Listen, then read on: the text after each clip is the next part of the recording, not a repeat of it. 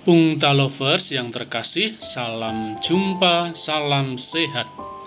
Renungan kita hari ini diambil dari Injil Matius bab 10 ayat 24 sampai 33 dengan judul Don Chrysostomo Ibara. Novel berjudul Noli Me Tangere menggambarkan perjuangan pemuda Chrysostomo Ibara melawan ketidakadilan dan kebobrokan gereja dan pemerintah kolonial di Filipina. Kematian ayahnya, Don Rafael Ibarra, yang misterius, membuat Krisostomo pulang ke Filipina dan ingin membongkarnya. Rafael ternyata dibunuh oleh persekongkolan antara Padre Damaso, pimpinan gereja, dan Kapitan Tiago, gubernur kolonial. Pemikiran Don Rafael yang revolusioner tidak disenangi oleh pemerintah dan gereja. Dia harus disingkirkan. Krisostomo Ibara membongkar kemunafikan Padre Damaso dan kehidupan biara. Ia sangat terpukul ketika tahu bahwa Maria Clara, pacar masa kecilnya, adalah anak dari Padre Damaso dengan Dona Pia Alba, istri sang gubernur jenderal. Ia makin tahu mengapa sekolah yang didirikannya selalu ditentang, dihalang-halangi oleh gereja dan pemerintah. Ia dianggap sebagai seorang pemberontak, tokoh revolusioner yang harus disingkirkan karena akan mengganggu kemapanan gereja dan penjajah. Ibara tidak takut. Ia berjuang bersama Elias temannya untuk mengungkap ketidakadilan, kekuasaan, kemunafikan, dan penindasan yang dilakukan gereja dan penjajah.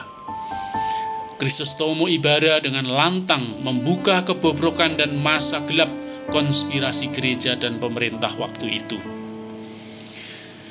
Pungta lovers yang terkasih, Yesus menegaskan kepada murid-muridnya, Janganlah kalian takut kepada mereka yang memusuhimu, karena tiada sesuatu pun yang tertutup yang takkan dibuka, dan tiada sesuatu pun yang tersembunyi yang akan diketahui.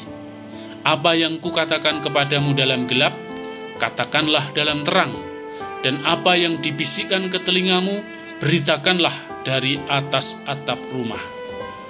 Kemunafikan, kebobrokan, dan konspirasi, perselingkuhan politik, korupsi, pelan-pelan dan pasti akan dibuka.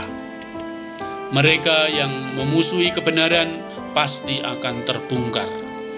Tipu muslihat imam besar Padri Damaso, Padri Salvi, dan Kapitan Tiago akhirnya terbongkar.